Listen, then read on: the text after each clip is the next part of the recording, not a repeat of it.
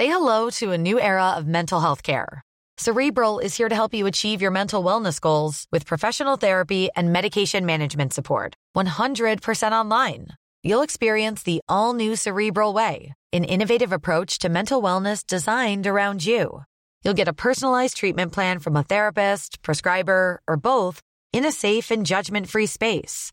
Your cerebral therapist or prescriber will outline a customized plan with clear milestones along the way so you can get to feeling your best. With Cerebral, you're not alone in your mental health journey. We're here to empower you to live a fulfilling life. So take that first step towards a brighter future and sign up today at cerebral.com slash podcast and use code ACAST to get 15% off your first month. Offer only valid on monthly plans. Other exclusions may apply. Offer ends July 31st, 2024. See site for details.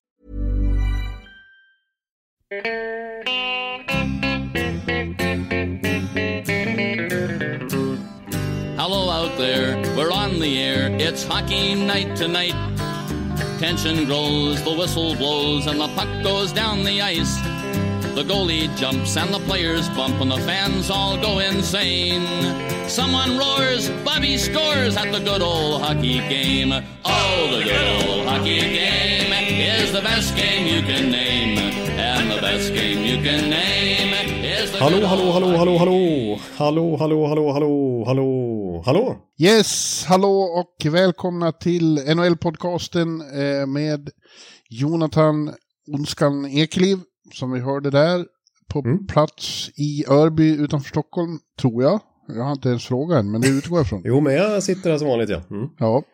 Och mig då, Per Bjurman i New York City hemma i Holken på 48 våningen med New York eh, utanför fönstret. I sedvanligt betagande syn. Ja, jo, precis. Jag kan inte säga detsamma om eh, den gråa Örbyvardagen här just nu, va? Nej. Nej, men vi eh, är nu eh, redo att spela in eh, säsongens andra riktiga eh, avsnitt. Vi har hållit på i en, ja det är onsdag idag, så vi har hållit på en dryg vecka har säsongen pågått. Men det känns eh, ju som att eh, en månad har passerat, tycker jag. Det känns som det har varit eh, extremt eh, intensivt. Ja, precis. Och ja, i lördags var det 14 matcher på en gång och, och ja, det, det har inte blivit så mycket sömn för dig känns det som. Inte för mig heller då, som sitter på den här sidan Atlanten. Nej, ja, jag har ju hunnit se på den här veckan, jag har ju fyra live-matcher. Först var jag i Pittsburgh och sen i New Jersey och i helgen var jag på Long Island och i måndags på Garden då, första matchen där. Mm. Eh, och samtidigt har det varit eh, mycket på tv och igår då, tisdag, så var första riktiga Korresoffan-session Just det. eh, för säsongen. Och eh, Korresoffan stod i förgrunden i, i bloggen, jag vet inte om du såg det? Jo, den, den hyllades. eh, Jag, jag häpnades över att det är så länge sedan som 2013 du bytte ut den. Ja. Det, det känns som igår som den gamla klassiska Korresoffan hade gjort sitt och den nya trädde in. Men den är alltså lika gammal som podden då. Den, eh, den Ja. är från 2013 helt enkelt. Ja, ja, den var ju, den gamla ursprunget, den fick ju vara kvar. Jag, jag var som en sån här alldeles för sentimental general manager, den fick alldeles för många säsonger. Ja, Och nu har den här, den, börjar, den är en väldig veteran också. Den, den, den eh, har inte samma spänst längre. Den, den håller på att ge upp också. Men den, den har lovat att den är, det är lite Mark Giordano och sådär, Joe Pavelski över den. Den har ändå någon, någon säsong till i sig. jo men det, det är min känsla också. Jag kommer ihåg hur den förra såg ut och den, eh, ja, den, den var ärrad minst sagt. Ja. Ja, men den har lovat nu att, eh, att jag kan använda lönetagsutrymmet till, till, till annat tills vidare. Jag Okej. behöver ett nytt kylskåp till exempel. Ja, just det. Så den får eh, åtminstone något år till på sig. eh. Ja, ja den hade en bra eh, säsongsöppning natt. Den var väldigt bra att ligga i och sitta Ja, i. ja, jag förstår. Jag förstår. Ja, den får ju kämpa rätt hårt under en sån Korresoffan bloggkväll med tanke på Ja. att den öppnas ju när östmatcherna är igång där tidigt och sen så stänger den först när sista västmatchen är klar. Ja, ja och, då, och då har vi så här efter, ja, jag blir ju kvar i den fram till 3-4 Ja, sen ska det ju snackas med, med diverse svenskar till exempel. Ja. Ja. Ja. Hade en sån första riktig sån i, i natt. William Karlsson fick tag i en timme efter Vegas-matchen var slut och då är klockan mycket här. Ja, just det, precis. Så att eh, jag fick köra upp det här verkligen. Jag fick ringa och väcka dig i princip här till, Ja. till att vi skulle spela in den här podden. Så det, Ja, faktiskt. ja, nej, det blev inte många timmar sedan för Bjurre här innan. Nej, det är, det är okej. Nu ska Ja, vi inte. Det finns värre.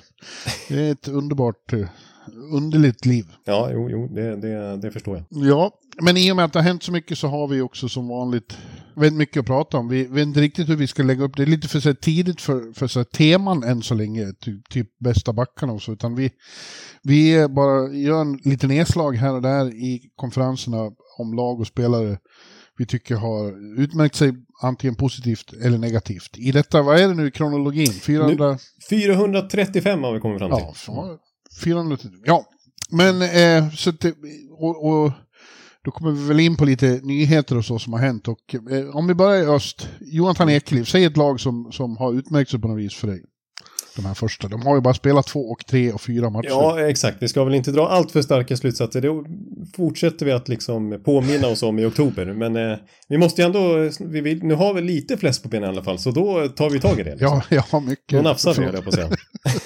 Eh, ja, nej men eh, vad ska jag ta för lag om jag tittar lite på tabellen i öst? Det är ju inte så anmärkningsvärt kanske att Carolina toppar Boston faktiskt eh, två segrar här direkt eh, efter sina tapp. Men eh, jag tycker det, jag måste säga att jag är imponerad av till exempel Detroit Red Wings start. Mm. Absolut. Eh, de började med en förlust, en knapp förlust här mot New Jersey. Mm. Eh, men sen har de väl bara vunnit? Ja, precis. Det är inte så att de har spelat massa matcher heller, men de har spelat två matcher sedan dess. Eh, mot mitt Tampa såklart. ja. Eh, där de ju faktiskt spelade ut Tampa ganska ordentligt. Fan, de har bara spelat tre matcher. Det känns som de har varit igång mer, tycker jag. Ja, nej, det, är, det är bara tre matcher. Eh, sen därefter följde de upp med 4-0 borta mot Columbus då.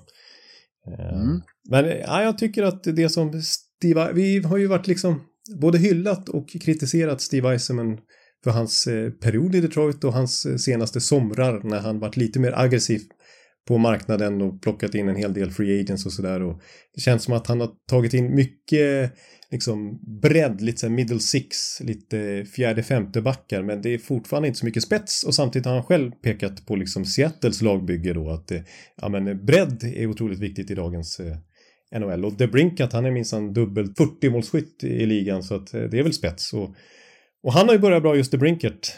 Fem poäng här på de första tre matcherna. Han har ju typ gjort mål i varje match hittills. Så att, eh, ja. ja. Jag tycker det har sett bra ut i, i Detroit hittills. Han har ju mycket eh, idéer, Iceman. Det var ju han som förra året också pekade på den här nya total offensiv hockeyn, den snabba ständigt ombytliga eh, anfallshockeyn som han sa att han måste svara på. Men det har han inte riktigt gjort utan nu är det då tydligen lagbygget i Seattle som, som gäller.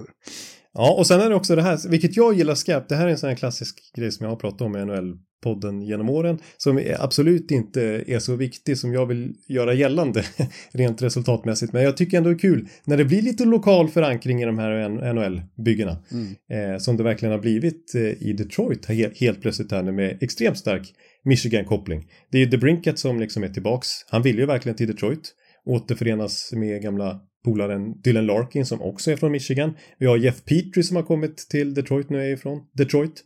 Eh, vi har JT Comfer, eh, ganska bra värvning får man säga från Colorado, även om det var ett dyrt kontrakt.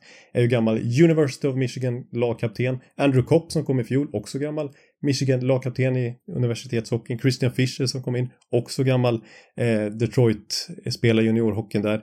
Austin Sarnik som är lite breddspelare, bara fått lira en match visserligen, är också Detroit-född. Så det är liksom typ halva laget nästan som har stark Michigan-koppling. Mm. Ja, jag tror att det där kan vara både och. Eh, det var ju... Eh, I Minnesota var ingen bra succé för Parisi och... och Suter. Ja. Suter som båda och ville hem och det gjorde stor affär av att de skulle komma dit. Och, och ja, till slut vart de utköpta vill jag påpeka. Nej, precis. Och eh, Tavares i Toronto har väl inte varit någon fiasko precis, men det, det, liksom, det betyder ju inte att det blir succé bara för att man kommer hem. Nej. Såklart. Nej, men eh, de har börjat bra Detroit. Men eh, redan på en gång vill jag understryka att det är oktober och eh, att, att vissa av de här eh, som man förväntar sig sämre lagen går bra i början. Eh, det välter inte alla kalkyler på en gång. Det, det, det säger ingenting om hur det kommer att se ut i februari-mars precis. När de har liksom matat sig igenom hela det här maratonet. Men Nej. det är ändå positivt och jag tror att Detroit är lite bättre. Precis som vi har sagt på förhand, de är lite bättre än, än i fjol. Eh, vi får se hur pass mycket bättre. Om de kan vara med och pusha runt strecket, det, det är väl...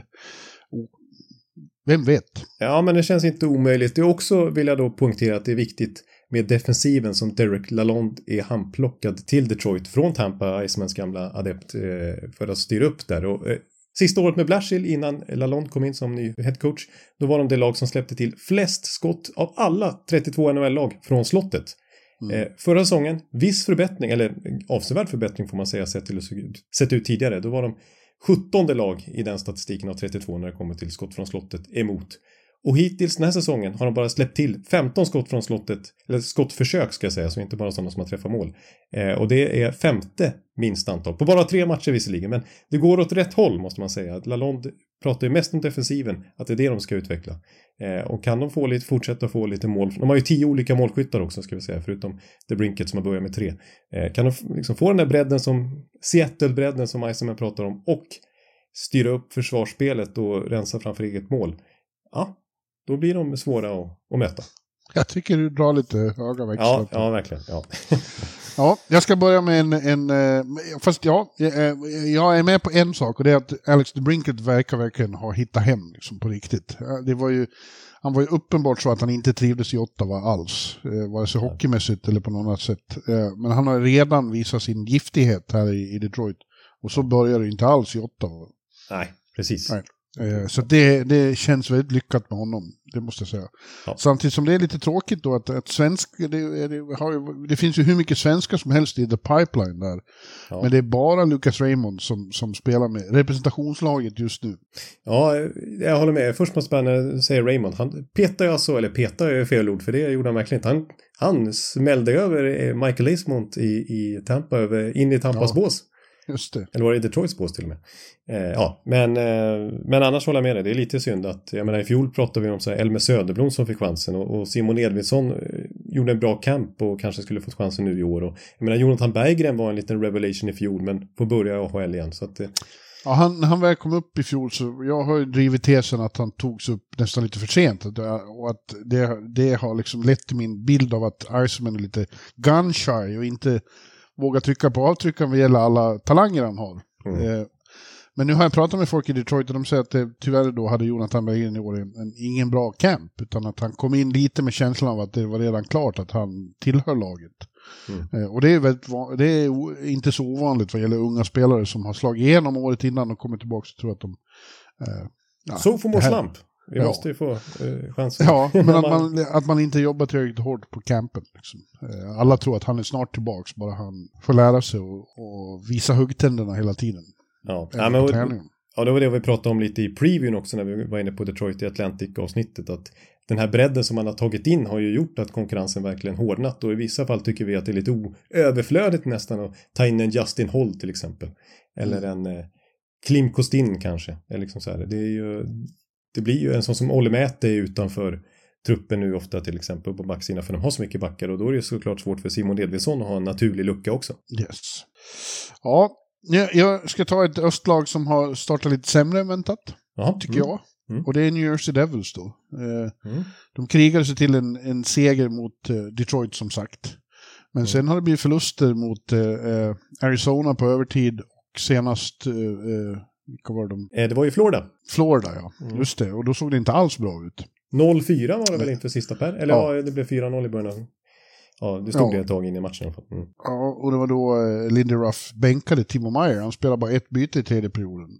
Ja. Och Ruff var ganska skarp i tonen efteråt om att han ta utvisningar på det sättet, då spelar man inte. Och det är rätt eh, skarpt ändå med en spelare som har vad, 8 miljoner någonting per säsong. Ja, nysignad inför den här säsongen så de offrar ja. rätt mycket eh, här 2023 för att få in också. Ja, men de, de har inte varit katastrofala på något vis. Men det, det har, det har eh, varit lite grus i maskineriet mer än väntat där. Och eh, eh de är lite frustrerade själva tror jag. För att eh, där är ju bilden att vi är verkligen en contender nu. Eh, men ja. det där är ju också, det är inte unheard of heller, att, att uh, unga lag som slår igenom, att det sätter sig, att det slår ut lite så här att det här kommer att gå av sig själv. Mm. Uh, och så gör det inte det, då blir det lite frustrerat. Ja, hela, hela New Jersey är lite som Jonathan Berggren på campen kanske. Ja, man kan ja. säga så.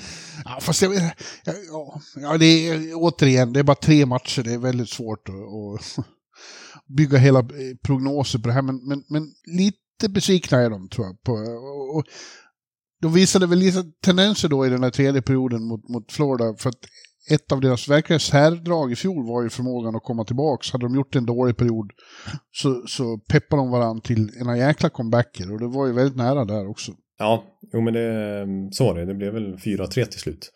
Eh, men eh, absolut, det är ju Mayer, han har alltså noll poäng hittills den här säsongen. Tyler Toffoli som vi har berömt som nyförvärv också. 34 mål i fjol i Calgary. Noll mål hittills, visserligen bara tre matcher. Vi har pratat mycket om Luke Hughes och, som en Calder Trophy nomineringskandidat den här säsongen. Hittills inga poäng.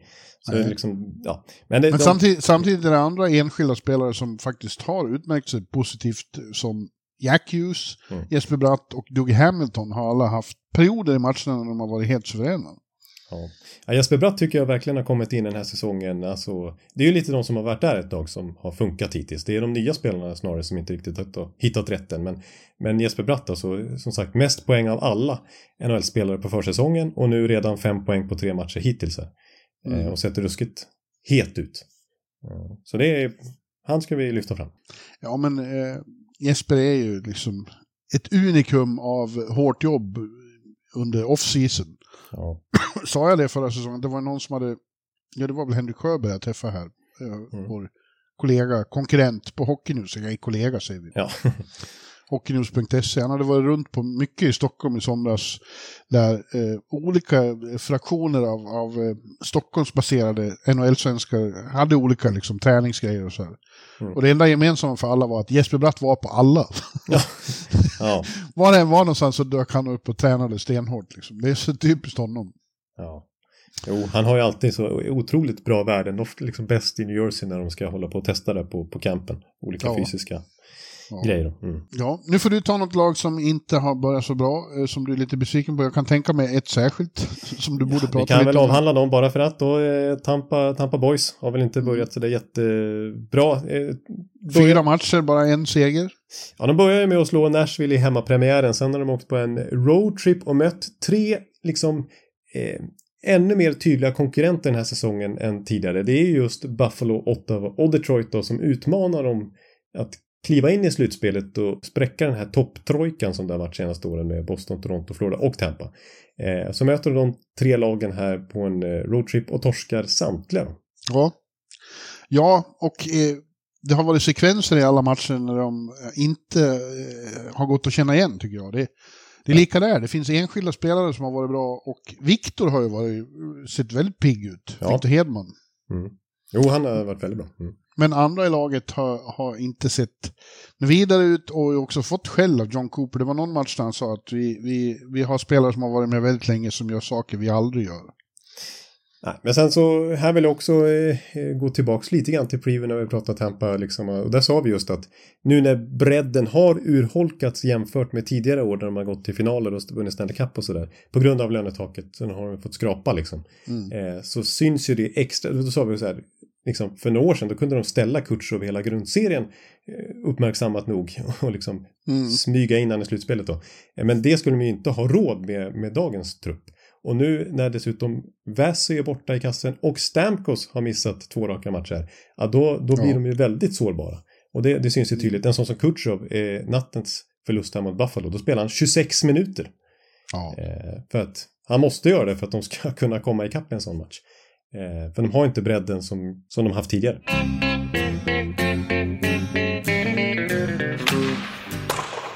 Ja, förlåt, vi har lite tekniska problem här. Mina bra lurar fungerar inte. Nej. Det är ett glapp i en eh, adapter här. Så nu har jag fått lov att gå tillbaka till eh, ånglurarna. Så det är lite sämre ljud tror jag. Ja. Jag ska fixa det här till nästa vecka, men just nu är det inte bra. Nej, det, det är lite som, eh, vad ska vi säga, eh, Seattle Krakens säsongstart kanske.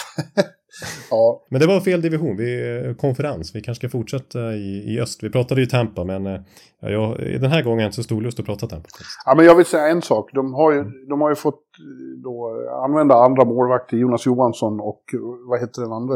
Tomkins, ja. gamla Färjestad-målvakten. Mm. De har ändå gjort det bra. Liksom. Det är inte deras fel att det inte har gått bra. De har inte varit omöjliga på det sätt som Vasilevski kan vara. Men det har, det har inte Vasilevski varit heller i grundserien senaste året.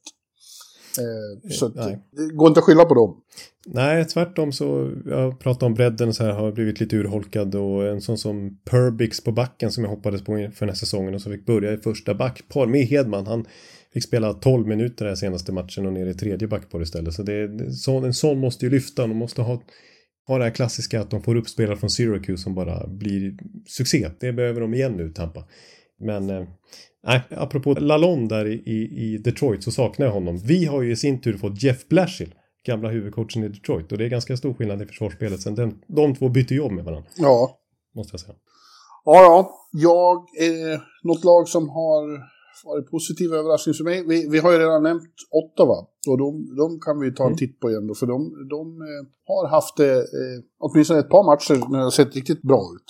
Ja, de börjar ju med torsk mot Carolina borta, en svår match såklart. Men sen hade de två raka hemmamatcher och då blev det segrar ju mot Tampa och även mot Philadelphia. Kanske inte allra tuffaste proven. Nej, men mot Tampa såg de väldigt bra ut tycker jag. Eh, mm. Och eh, de har mycket i verktygslådan nu, både bakåt och framåt känns det som. Ja, nej, men jag håller med. Alltså, det har sett bra ut redan nu och det är utan liksom två viktiga centra. De har ju Stützle såklart, men Josh Norris, han har ju haft fortsatta problem med axeln är det väl, och, men ska i alla fall göra säsongsdebut i natt då sägs det. Eh, och sen så har ju Shane Pinto fortfarande skrivit på en kontrakt, vilket de ropar om på läktaren. Sign Pinto, ja. sign Pinto. Ja. Eh, men ändå så har de eh, spelat bra. Och tänk dig när de är fulltaliga om de kan ställa upp med Kitchak, Stützle, Giroud-kedjan. Sen Kubalik, Norris, Batherson. Och sen Tarasenko, Pinto och Josef till exempel och i tredje kedjan. Och så backpar med Chikrin, Chabot. Sanderson, Sub och så Brännström, Hamonic nere i tredje backpar och så Korpisalo och Forsberg i kassen. Det är, det är ett slutspelslag, det måste jag säga. Ja, men varför får de inte till det med Shane Pinto? Det är som sagt eh, lite kontrovers där. Fansen är sura över att de inte får till det.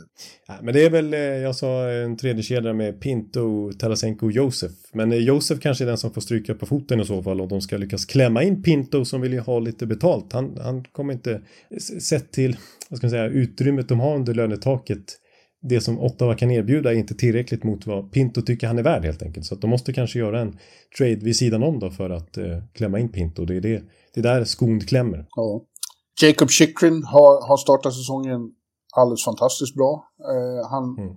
han kom ju till Ottawa redan som trade i våras då, men då var han ju mest skadad. Så var, de fick aldrig någon riktigt eh, användning av honom på det sätt de har haft nu när han är utvilad så har han gjort mycket poäng och eh, överhuvudtaget sett grym ut. Han, han, det är ett fynd de har gjort i honom.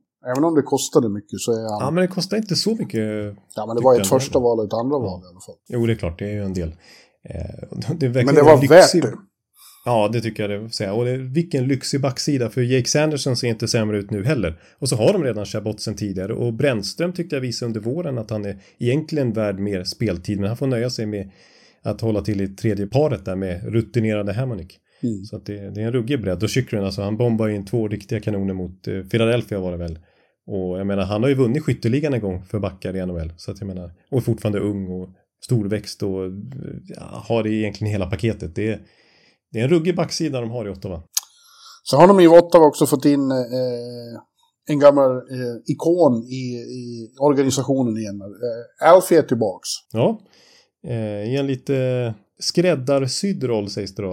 För det var ju Michael Andlauer och Steve Staios då, nye President of Hockey Operations. Andlauer är nya ägaren som direkt tog in sin parhäst Steve Staios, gamla NHL-backen. De har jobbat ju tidigare, vi behöver inte gå in på det igen, men eh, de var väldigt noga med att Alfredsson ska in i Ottawa igen. Han, hans relation med den tidigare ägaren Eugene Melnick, den är ju väl dokumenterat som inte så, ja väldigt infekterat kan man säga. Ja. Eh, dels så bråkade han sig bort som spelare i slutet där han hamnade i Detroit och dels så kom han tillbaks i en ledarroll i organisationen senare men bråkade sig bort från Melnick igen och krävde att han skulle sälja klubben och så vidare.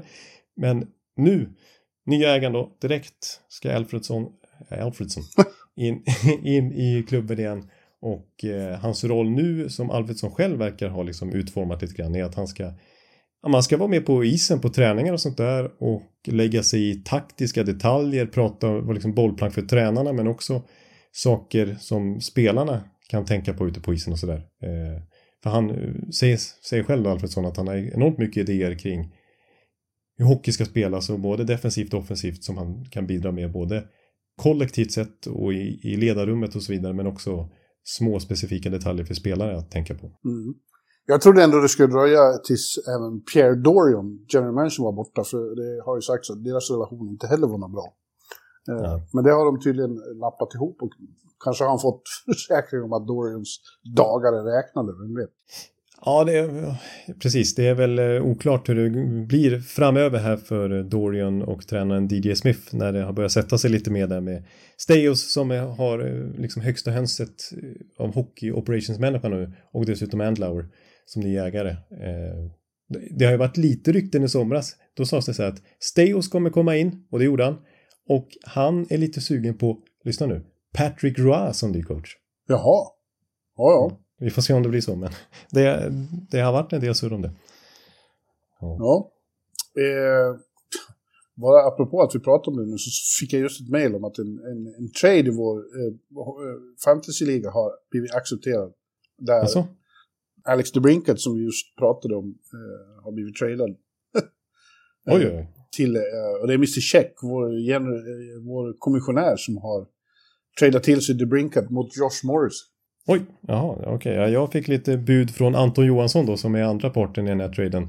Vår eh, hockeyreporter som eh, ville ha backar av mig. Så att, eh, då fick han Morrissey då istället. Då. Ja, Ja. det var inte så dumt.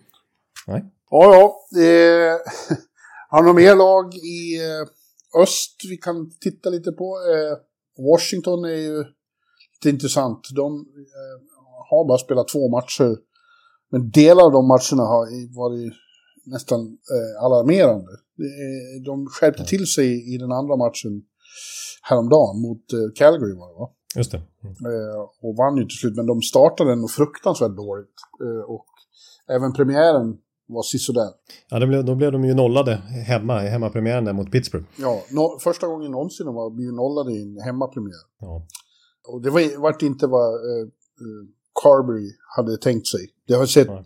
tidvis otroligt underligt ut eh, defensivt. Framförallt de har sett helt bortkomna ut, som att de inte vet hur man försvarar sig. Nej, ja, de behöver nog få en någorlunda bra start efter att ha missat slutspel i fjol och liksom att de får lite inspiration och att det inte börjar med liksom igen att det går trögt och hackar och att det blir negativ stämning. Verkligen. Eh, vi, vi är som sagt i oktober, men vi vet att eh, även om man inte kan vinna nu, verkligen inte kan, så, så är de här poängen i oktober på sitt vis viktiga ändå. Därför att man kan förlora, man kan hamna för långt efter direkt och så blir det eh, jävligt jobbigt att jaga ikapp. Ja, precis. Jag kollade faktiskt på oktobertabellen i fjol. Hur det såg ut, bara för att jämföra med nu, liksom hur mycket som stämde sen. Och det är klart det är mycket som inte blev som det blev. St. Louis fick en bra start i fjol till exempel och det slutade med att de eh, tradade iväg massa spelare vid deadline och missade slutspel. Och, Buffalo fick en väldigt eh, bra start i fjol, men det räckte ju inte till slutspel till slut. Däremot många lag som fick en riktigt dålig start, alltså till exempel Vancouver som ju knappt tog några poäng. De, deras säsong sket ju sig totalt och tränarbyte och allt möjligt. Eh, och många andra så väntade lag som San Jose och Anaheim började dåligt såklart. Men nej, så rätt många lag som började dåligt, de, ja, de hade svårt att, att liksom ta sig uppåt igen. Det var Ja. några lag, till exempel Toronto började rätt svagt men kom igång. Ja, så är det.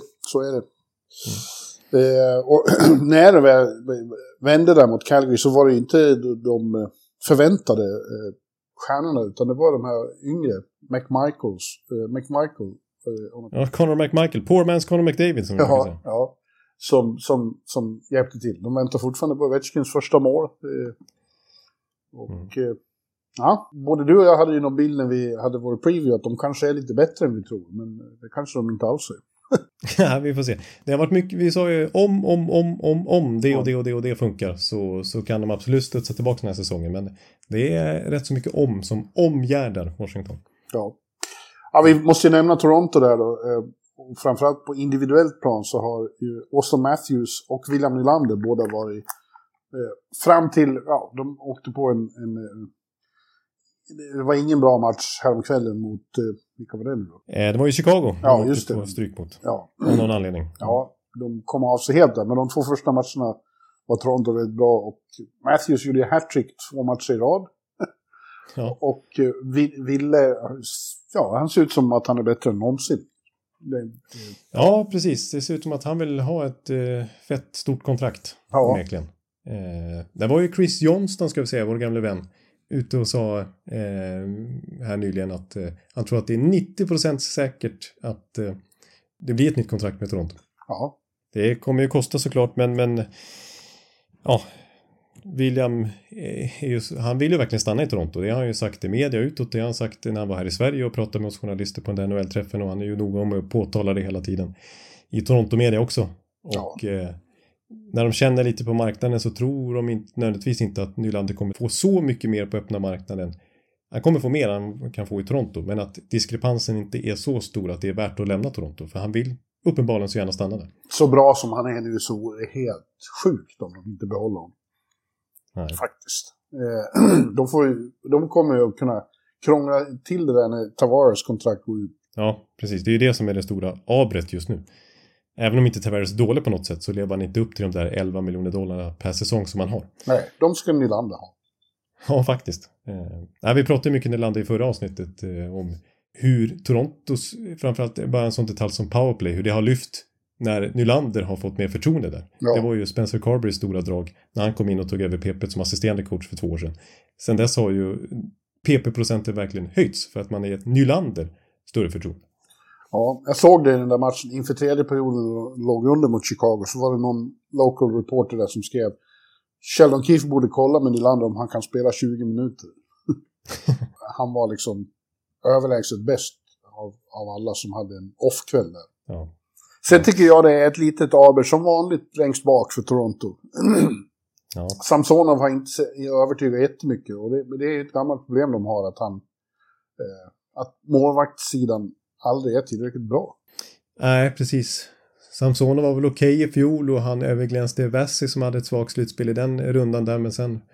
Ja, men det, när man ska vara den här pålitliga match ut och match in i, i under the grind eh, så undrar jag om han verkligen är den man vill hålla i handen.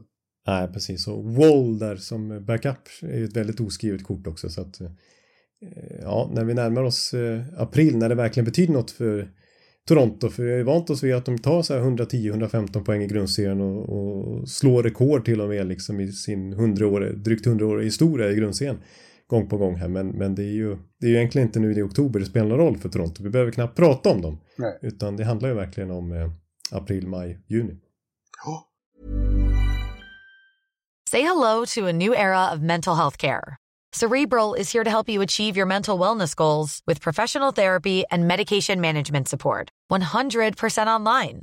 You'll experience the all new Cerebral Way, an innovative approach to mental wellness designed around you. You'll get a personalized treatment plan from a therapist, prescriber, or both in a safe and judgment free space. Your cerebral therapist or prescriber will outline a customized plan with clear milestones along the way so you can get to feeling your best. With Cerebral, you're not alone in your mental health journey. We're here to empower you to live a fulfilling life. So take that first step towards a brighter future and sign up today at cerebral.com slash podcast and use code ACasts to get 15% off your first month. Offer only valid on monthly plans. Other exclusions may apply. Offer ends July 31st, 2024. See site for details. Ja, men du, om vi riktar blickarna till den andra konferensen då, eller har du något mer du vill säga från i öst?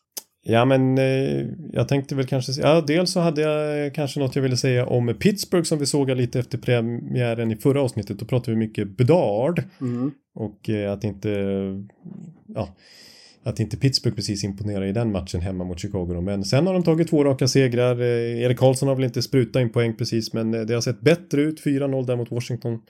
Och sen, eh, ja, sen vann de ju en till match. Vilka var det? var ju hemma mot Calgary, just mm. det.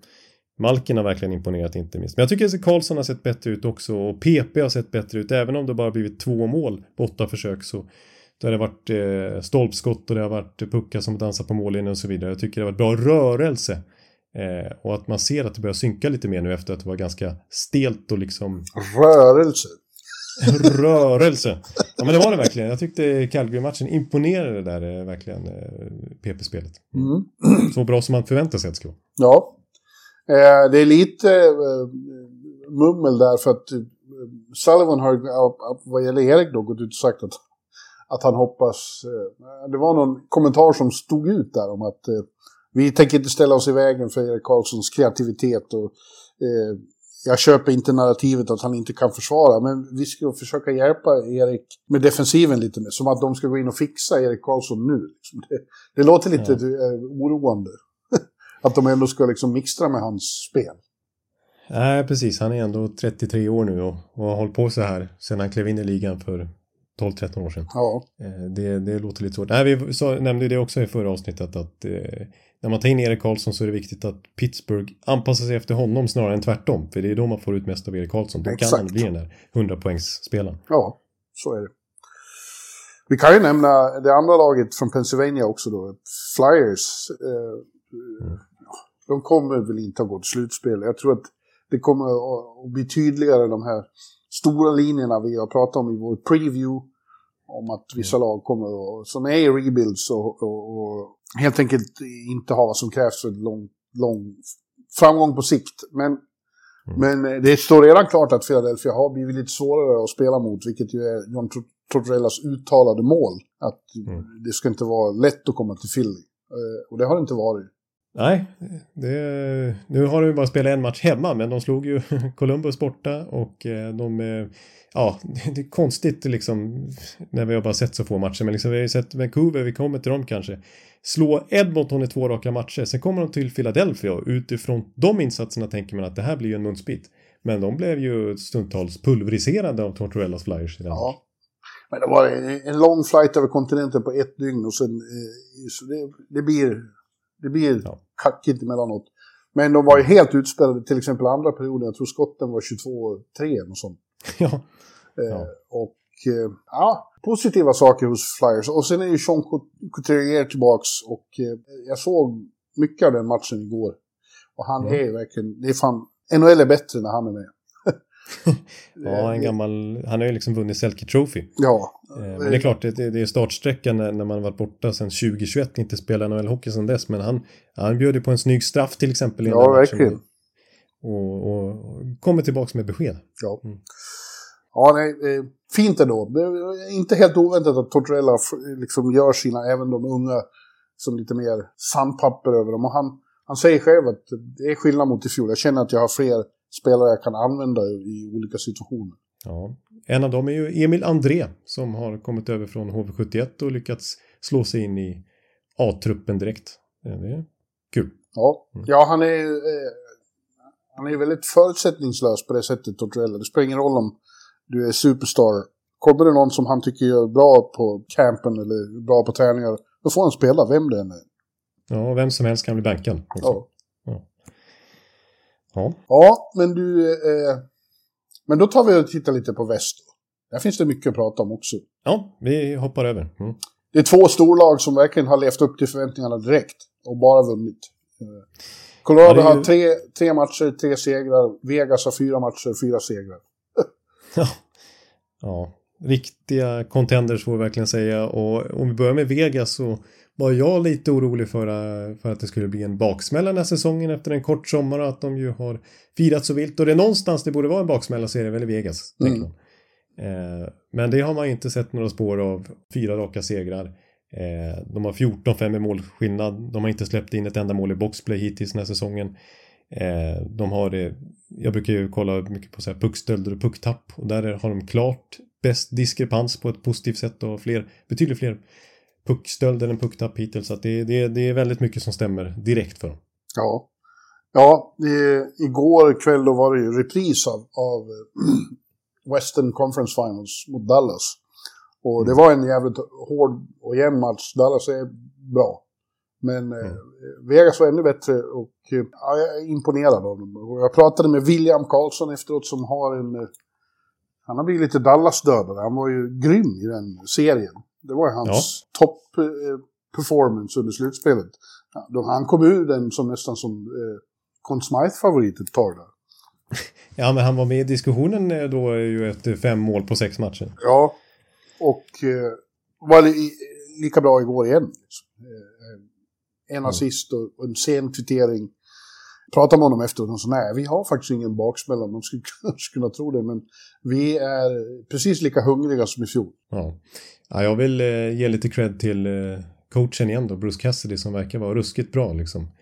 Eh, sen han tog över Boston där för 7-8 år sedan så hans lag har ju aldrig missat slutspel och knappt liksom hamnat under topp 5 i grundserien heller. Mm. Eh, han, alltså, blev man ju visserligen kallad för ett svin i princip i slutet på Boston-tiden att de tröttnar på honom. Men eh, han gör, någonting gör han ju som får hans lag att eh, hålla en väldigt jämn nivå.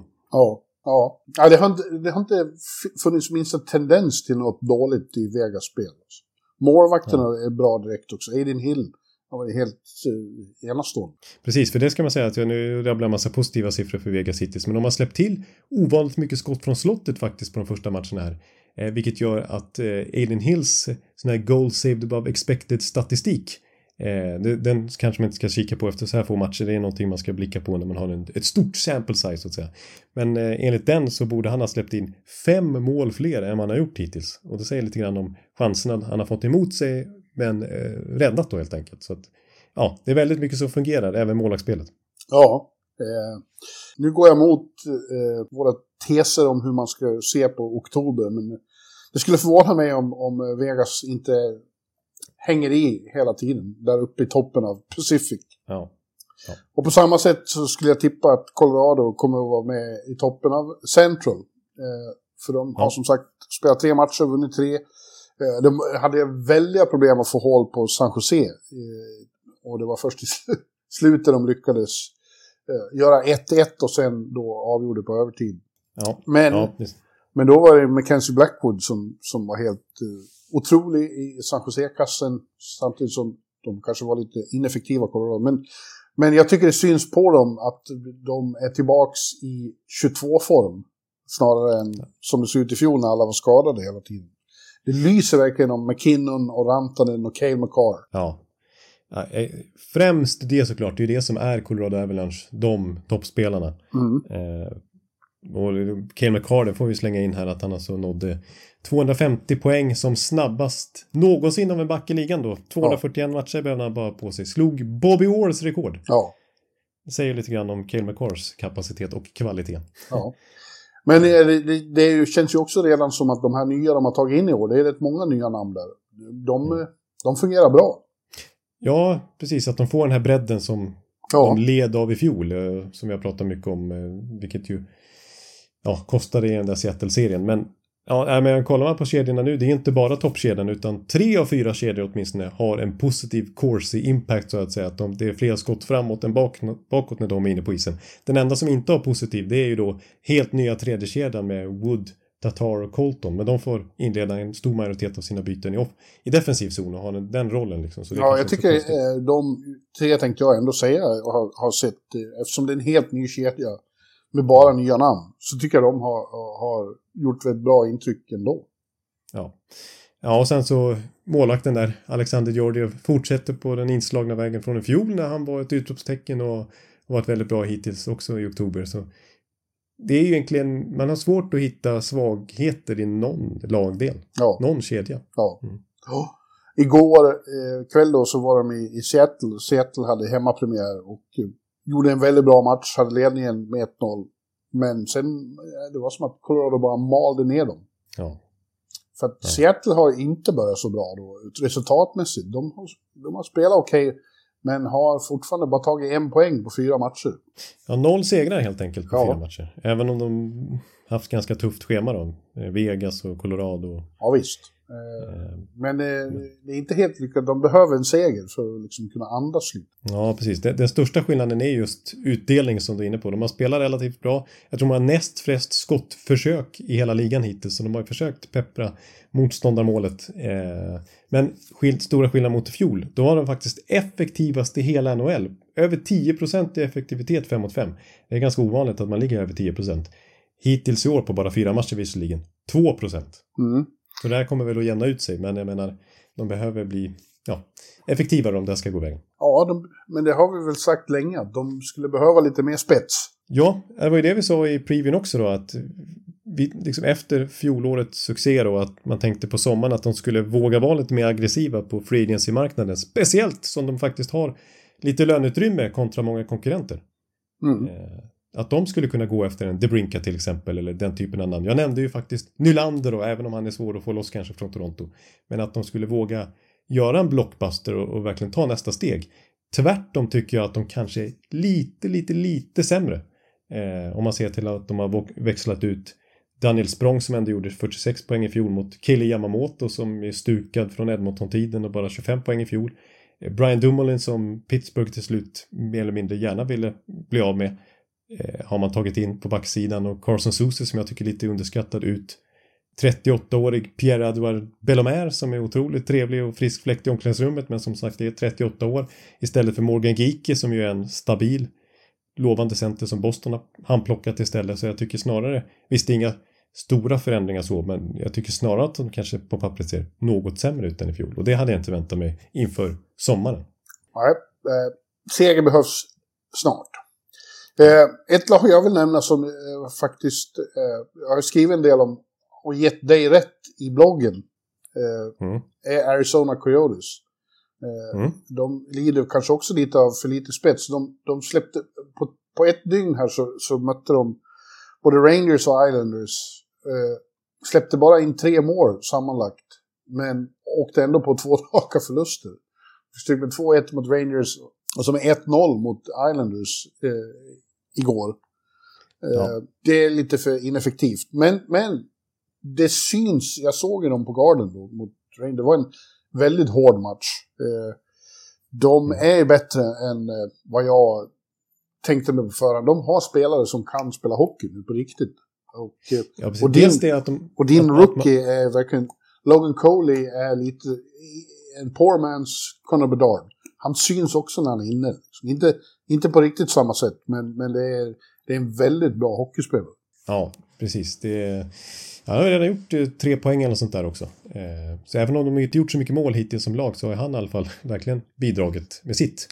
Eh, och så som, som sagt, de har, liksom, de har ändå aktivt förstärkt för en gångs skull med Matt Dumba på backsidan som har spelat mycket hittills och det är Jason Zucker och det är mm. eh, Kerfoot till exempel. Och så, Dumba har varit väldigt stort utropstecken på backsidan och det är liksom ett ankare där nu. Som ja. har saknat lite tidigare. Ja. Nej, så att det, eh, det är uppenbart och det sa vi ju inför också, eller jag sa i alla fall att jag tror inte att Arizona blir någon slagpåse den här säsongen utan tvärtom kommer vara med ganska länge. Jag sa, jag sa de går inte till slutspel men de kommer liksom hanka sig kvar oväntat länge i racet, det är min tes. De måste bli lite mer effektiva i så fall, men, men det har börjat bra och Logan Cooley har verkligen visat att han kommer att eh, blanda sig i den där Calder Trophy-racet. Det kommer ju, allt talar för att Bedard vinner det, men det är ju spännande att se vilka som som blir nominerade utöver honom med tanke på att det är ett bra rookie-år på förhand. Mm. Ja, eh, sen har vi då Canucks som började med två riktiga smällkarameller mot, mot Edmonton. Eh, att de vann hemmapremiären med 8-1 var en sak, då, då kändes det som att Edmonton, som de själva sa, fortsatte spela försäsongshockey, inte var riktigt med där. Men då tänkte man att eh, på lördagen efter, nu kommer de att ta gruvlig hämnd hemma i Rogers Place. Ja. Men Vancouver vann där också och då, det var nästan mer imponerande tyckte jag. Då spelade de riktigt bra och Elias Pettersson var fantastisk. Ja, ja men eh, precis. Vi har ju båda dem på slutspel inför säsongen i våra tips och det kändes ju väldigt bra efter de där två Edmonton-matcherna. Sen, jag vet inte hur mycket slutsatser vi i sin tur då ska dra av Philadelphia. Nej, jag, det var en plump i protokollet, men jag tror att det har att göra med att det var en väldigt lång resa tvärs över kontinenten en, under en dag som match direkt. Ja, sånt, sånt kan påverka. Så var det kanske lite underskattning av Philadelphia. Då, och, eh, Tocket var ju inte glad efteråt. Han sa vilka, vilka är vi att tro att vi är någonting? Nej, precis. Det var en riktigt sånt klassiskt Tocket-utbrott. Who are we to think we are anymore? Då han tyckte ja. att spelarna hade uppfört sig så som att eh, liksom, här kommer vi. Ja, ni får be om ursäkt till AIK-fans och så här. Jag hoppas inte Vancouver är så här AIK-lynniga som de jag tycker de har varit. AIK-hockeylynniga som jag tycker de har varit i många år nu. Liksom att de kan blanda liksom riktigt, riktigt bra prestationer med riktiga bottennapp. Kolla på, på AIK Hockey den här säsongen liksom som kan vinna mot serieledande Nybro med 6-0 på bortaplan och sen åka och torska skotten med 22-0 i första perioden mot Almtuna. Eh, lite så tycker jag Vancouver har varit att de även inför den här säsongen, även med Boudreau som coach eller Travis Green, att de kan liksom slå vilket lag i ligan som helst på ett imponerande sätt och sen torska mot vilket lag i ligan som helst på ett lika icke-imponerande sätt. Eh, och jag hoppas inte den här Philadelphia-förlusten är ytterligare ett tecken på att den trenden håller i sig även i år. De måste bli, man vill se det här Vancouver-laget bli mer stabila. Det var en liksom- referens som jag inte hade räknat med. Och inte, jag kan inte säga att jag följer allsvenskan i Sverige så väl. Så det, här gick över huvudet på mig. ja. Jo, jag kan, jag, jag, jag kan tänka mig det. Det var, det var kanske lite konstigt att jämföra AIK Hockey med Vancouver Canucks. Men eh, ja, jag, jag vill i alla fall se Vancouver den här säsongen leverera vecka efter vecka efter vecka istället för att ha de här ojämna prestationerna. Det är, det, det är den nivån de måste komma upp i nu. Ja. Eh, jag tror att Tocket har i sig att Jag skulle ju säga att Tocket är väl den som ska ordna det. Precis, för det såg vi, som- jag har tjatat om det, men det såg vi under våren när de liksom från det datum han tog över i slutet av januari så var de det tionde bästa laget poängmässigt i ligan på ändå 35-40 matcher nästan. Eh, så att ja, jag, jag tror att vi kommer se ett, eh, att det här, det var som sagt ett, en plump i registret bara Philadelphia. Att vi snarare ska kika på det de presterade mot Edmonton. Ja, vi får se. De åker ner till Florida nu och ska möta Tampa till exempel. Ja, men det är ingen svår match, höll jag på att säga. Ja.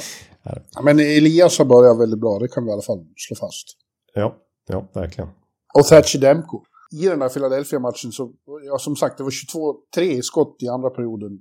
Men han var ju helt grym. Så Philadelphia hade kunnat leda med 5-0. Ja, ja, precis. Nej, men det är ju verkligen en, ett sparkapital jämfört med förra säsongen när han var skadejäckad. Att få dem tillbaka en Thatcher Demko i fullt slag. Jag menar, det är ju en, det, det är Vessina nomineringsmässigt eh, den nivån han kan komma upp i. Så det, det gör ju mycket bara det. Yes, vi, vi glömde en sak om Colorado, hör du. Eh, Devon Taves har ju fått ett nytt kontrakt där. Vad säger du om det? Ja, precis. Eh, det är då ett eh, sjuårskontrakt värt 7,25 miljoner dollar per säsong. Ja, Eh, och eh, som jag har förstått det så ville Colorado helst eh, skriva ett kortare kontrakt med tanke på att han fyller 30, han hunnit fylla 30 när det här börjar gälla då nästa säsong. Men eh, 7,25 miljoner dollar det, det tycker jag är ganska lågt ändå med tanke på vilken klassback vi pratar om. ja. Alltså, jag menar, Darnell Nurse och Jacob Troba har klart mer i capita än vad Taves får här. Och de gråter på, Island, på, på Long Island för eh, de gav ju upp honom för ingenting i princip. Eh, och hade milt uttryckt haft eh, nytta av honom. Ja, det var ju lönetaksskäl som gjorde att de eh, skeppade bort honom då. Eh, men eh, de skulle ha skeppat bort någon annan. Ja, Eh, Det är inget snack. De fick i alla fall två andra runda val för honom. Men det är ju betydligt lägre än vad hans, hans marknadsvärde är nu. Om man säger så. Så det är återigen Chris McFarland och Joe Sakic som eh, vi har, vi har pratat mycket om Lekkonen-traden. Vi pratar mycket om Nisurskin upploppningen för några år sedan. Och jag menar, vi har pratat om Alexander Georgiev i det här avsnittet. Han kostar bara ett tredje och femte runda val att trada till sig. Eh, Medan Grubauer skrev ett kontrakt som var dubbelt så mycket värt som, som Georgievs. Eh, Grubauer i Seattle till exempel. Jättebra switch där med. Eh, och Devon Taves, som sagt, det, ja, det, ja, de är duktiga på att hitta talang och eh, förlösa dem. det är grymt alltså. De har fyra backar som hade varit första backpar nästan hos alla. Alltså McCarr, Taves, Bowen Byron och Samuel Girard. Det är ruskigt alltså. Ruskig lyx i denna lönetaksvärld. Ja. Ja, det är det verkligen. Sen vill, en, en till sak som är intressant att säga om Taves, det är att han är ju lite late bloomer. Jag tror inte han var draftad någon Eller jo, han blev draftad när han var två år överårig så att säga. Sett till när han först var tillgänglig och spelade flera år på college innan han klev in i NHL rätt gammal inom citationstecken. Så att faktum är att nu fyller han alltså 30 här i vinter tror jag. Mm. Eh, men han har spelat färre NHL-matcher än Rasmus Dahlin. Ja, det är Det är anmärkningsvärt. Så att många är ju inne på då att visst det är ett sjuårskontrakt, han kommer vara 37 när det här går ut. Så det är, man gillar inte oftast att skriva långa kontrakt med äldre spelare. Men eh, nu är det så att han har ju spelat hockey innan NHL också. Men i college-ligan är det ju så 30-40 matcher per säsong bara. Så att han kanske ha, han har inte så mycket mileage som man brukar säga. Han kanske kan hålla längre än många andra NHL-backar med tanke på att han inte har så mycket förslitningar sedan tidigare. Mm. inte som min korresoffa. Nej, precis. Han är inte, han är, han är inte som Korsoffan. Han är ingen, ingen eh, Mark Giordano. Vi hade två eh, återkomster igår kväll också. I, I Winnipeg kom Pierre-Luc Dubois tillbaks eh, med Kings. Och i Nashville kom Mattias Ekholm tillbaks med Edmonton. Det var ett, två olika mottaganden kan man säga. Det var, det var verkligen. Mm. Dubois sökte sig medvetet från Winnipeg och det har inte fansen där glömt. Han vart grundligt utbuad och replikerade med mål. Han gjorde 1-0 målet när Kings faktiskt krossade Jets. Eh, medan då Mattias, eh, s- han blev ju tradad det var ju out of blue han blev tradad i våras till Edmonton. Och kom tillbaka och hyllades eh, väldigt eh, fint i Bridgestone Arena eh, under matchen. Ja, det var verkligen stående ovationer. Ja, han var ju där i 11 år nästan och eh, fick vad han förtjänade höll jag på att säga. Det var väldigt fint och eh, fick ju vinna också då. Edmonton efter två inte så lyckade insatser mot Vancouver. Det lossnade ordentligt mot Nashville. Eh, 6-1 var det väl. Eh, och 6-1. Eh, Leon Draisaitl gjorde fem poäng. Det innebär att det är ju hans favoritlag att möta uppenbarligen Nashville. Det innebär att på sina åtta senaste matcher mot Nashville har han gjort 25 poäng. Otroligt. Och eh, Conor McDavid gjorde ett otroligt snyggt mål när han ramlar på blålinjen. Snurrar runt helt och hållet, får tag i pucken igen, reser sig och sticker mot mål och pangar in den. ja, det såg nästan orealistiskt ut. Liksom. Jag var dock mest irriterad över att Zach Hyman och Ryan Nugent Hopkins gjorde så mycket poäng. Därför att Ja. de har du i ditt fan fantasylag. Och det är faktiskt så att du och jag möts den här veckan. Dina Ja. lyftkranar mot, mot New York Dolls. Och eh, eh, det är ett toppmöte. Vi kom ju ut on top efter första veckan, våra lag. Ja. Så det är tidig, tidig, extremt tidig seriefinal. Och du, eh, du ju där tack vare de två. Det gillar jag inte alls. Nej, det var skönt för mig. Jag var inte så nöjd med de valen efter de två första matcherna mot Vancouver där, men det kom eh, retroaktivt istället, vecka två helt enkelt. Så, så är jag nöjd med deras utdelning mot Nashville. Ditt, ditt jävla gubblag. ja, men jag har medelålder på 34 ungefär. ja. Eh, Det är Doughty och det är Burns och det är Ovechkin. Och Ovechkin, det kan man ju ifrågasätta. Eh, hur, hur jag kunde kliva in där. Men han var ledig så sent så jag, jag, jag kunde inte låta bli alltså. Ja. ja. Nej, vi kommer att ta er. Vi, vi skjuter mycket och har mycket tid i New York Dolls. Ja, jag har mycket snittistid också, men Dolls har ännu mer. Alltså. Ja. ja, vi är grymma. Ja, ja. Ja, men du, eh, ska vi nöja oss så? Ehm, ja, är det något mer vi... Det finns ju säkert mycket mer vi kan säga egentligen då, men... eh, Vi kan, vi kan uttrycka lite eh, medkänsla med San Jose. Som eh, två gånger om nu har gjort väldigt bra matcher mot supertopplag, Colorado och Carolina. Och tappat i slutet. Liksom. Det har varit så nära att de har lyckats skrälla sig till poäng. Ja, det gjorde de ju mot Colorado. Men mot Carolina igår hade de sen 3-2-ledning efter mål av Fabian Zetterlund och William Eklund. Och så bara rasade det till på slutet. ja, och så blir det Ja, tyvärr. noll poäng. Ja. Ingenting för det. Nej. Ja, nej. Men, det är så ehm, det kommer att bli för stackars Sharks. Ja. Nej, men i annat i, i svensk väg när du nämnde William Eklund och, och um, Fabian Zetterlund där så tycker jag att vi får ju eh, nämna Arvid Söderblom igen som vi Ja, pratade det om i förra veckans avsnitt. Ja, ja jag sa ju det att de, de eh, Chicago-kollegor jag träffade sa att de, Chicago ser Söderblom som eh, tänkbar number one redan i år. Och eh, det visade han ju verkligen mot Toronto där och att han är redo för en sån uppgift. Han var riktigt, riktigt bra. Ja, och eh, när vi, apropå avancerad statistik som jag refererar till och egentligen för tidigt nu att börja prata om goal save above expected och sådär för det är ju en, en eh, statistiskt verktyg man har för att analysera över tid över en hel säsong eller flera månader åtminstone men hittills i alla fall så, så är han etta i den statistiken han borde ha släppt in 6,6 mål fler än förväntat hur man nu kan släppa in 6,6 mål men i alla fall så säger det en hel del om hans start Mm.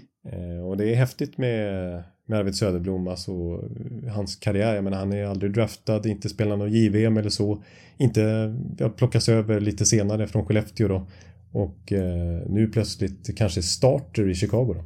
Ja, Att, eh, men överhuvudtaget så är vi, det är plötsligt ganska gott om svenska målvakter här. Vi har eh, mycket eh, uppmärksamhet får ju framförallt Linus Ullmark, Filip Gustafsson och Jakob Markström. Men nu har vi även då Söderblom, Jonas Johansson och Anton Forsberg. Det är sex målvakter som, eh, ja, ja, bra allihop. stått en hel del här i början. Ja. Ja. Ja. Eh, man kan, alltså, det är liksom, när King Henrik stod, eh, hans glansdagar så var ju han såklart eh, King Henrik såklart, även i Sverige, inte bara på Manhattan liksom. Eh, Men hans arv har förvaltat sig. Jag vet att Arvid Söderblom själv har sagt att han blev målvakt. Han är ju göteborgare så det har ju med det att göra också. Men han, han blev mål- målvakt tack vare Henrik Henke Lundqvist. Det var hans stora idol Ja. som ung.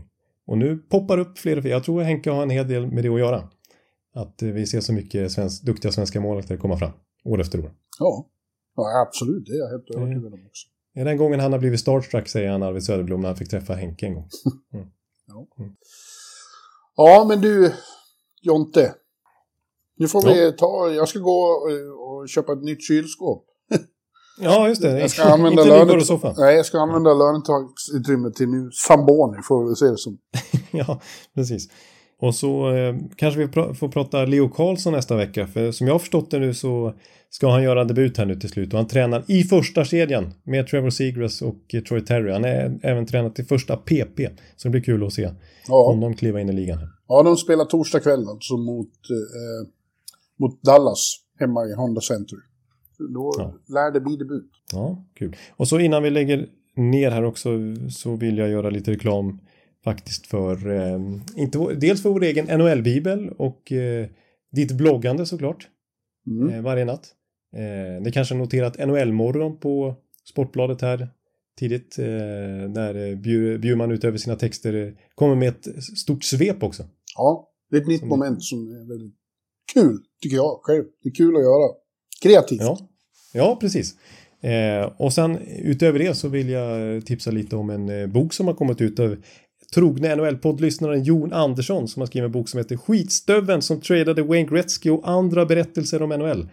Jag har hunnit lusläsa den lite grann och tycker det är trevligt och nördigt för oss som verkligen tycker om NHL. En bok som eh, går på djupet om lite oväntade stories och, och grejer i NHL. Ja, långt bak i tiden och även i, i modern tid. Så att den kan jag tipsa om. Den boken helt enkelt. Mm, trevligt. Men du, eh, vi återkommer som sagt nästa vecka med bland annat eh, prata om Leo då. Eh, Mm. Säkerligen en massa annat som har hänt då. Ja, precis. Och det var ju en hel del lag vi kom, inte kom in på den här veckan som egentligen hade kunnat prata om. Men vi får ju nöja oss så här och så har vi massor att prata om igen nästa vecka. Ja, ja vi säger så. Vi, vi säger så och så lycka till med kylskåpsköpet. Ja, tack så mycket. Eh, så hörs vi igen eh, snart. Om en vecka. Hej då! Hej! Hallå, hallå, hallå. Hallå, hallå, hallå. Alex Chiazot, Joe Luis Arena och Esposito. Esposito. Uttalsproblem, men vi tjötar ändå. Och alla kan vara lugna, inspelningsknappen är på. Bjuder Hanna Kohl, han är grym i sin roll. Från Kållesoffan har han fullständig kontroll på det som händer och sker. Det blir ju allt fler som rattar in hans blogg. Och lyssna på hans podd. One, two, times speed, so Hallå, hallå, hallå. One, two, times speed, so Hallå, hallå, hallå. Ekeliv, som är ung och har driv. Verkar stor och stark och känns allmänt massiv. Han hejar på Tampa och älskar Hedman. Sjunger som Sinatra. Ja, och där ser man. Nu är det dags för refräng. Dags för magi, Victor Norén. Du är ett geni. Så stand up at home and remove your hats. Höj volym, för nu är det plats. One, two, times speed, so Hallå, hallå, hallå. One, two, times speed, so Hallå, hallå, hallå. One, two, times speed, so Hallå, hallå, hallå. One, two, speed, so. Det er utroligt længe siden mor, der samtidig trods har råd. Hallå, hallå, hallå. Det er utroligt længe siden mor, der samtidig trods har råd.